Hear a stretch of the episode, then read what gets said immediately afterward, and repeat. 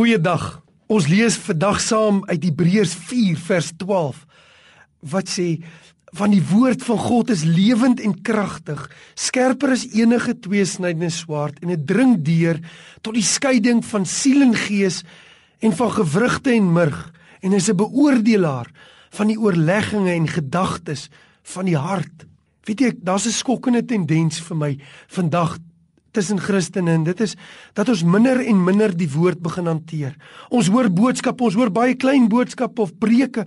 Ons werk baie keer met dagstukkie boeke of mense stuur vir jou uh, deeltjies aan of profetiese woorde, maar mense hanteer nie meer die woord nie. En in hierdie gedeelte in Hebreërs 4 sê hy 'n kwaliteit van die woord van die Here soos 'n swaard wat diep in die hart in kan kom en die gedagtes van 'n mens se hart kan beoordeel en kan oopvlek want weet jy jou hart is bedrieglik. Jou hart sal jouself bedrieg. Jy het die woord nodig om in jou hart in te kom en jou hart vir jouself oop te vlek. Ek was aan die einde van laas jaar in Irak. En daar het ons gegaan na die die rekonstruksie van die van die ou stad Babel En weet jy wat hoekom was Babel so onmoontlik om in te neem? Dis omdat hy twee mure rondom gehad het. Die een muur was omtrent 6-7 meter hoog, maar as jy oor hom gekom het, was daar 'n 80 meter lange doolhof van 8 meter hoog. En as jy op 'n manier deur hierdie doolhof sou kon kom, kom jy by die eindelike muur rondom die stad van Babel. O, wow, dit sou onmoontlike verwarring gewees het. Dis hoekom hulle praat van 'n Babelse verwarring. Jy kon nie by die muur uitkom nie.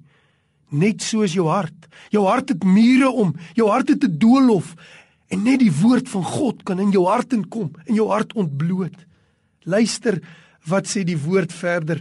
Wat sê die Here van sy woord in Jeremia 23 hy sê vers 29 sê is my woord nie soos 'n vuur nie sê die Here soos 'n hamer wat die rots vermorsel nie. Wie die jy het rotse in jou lewe?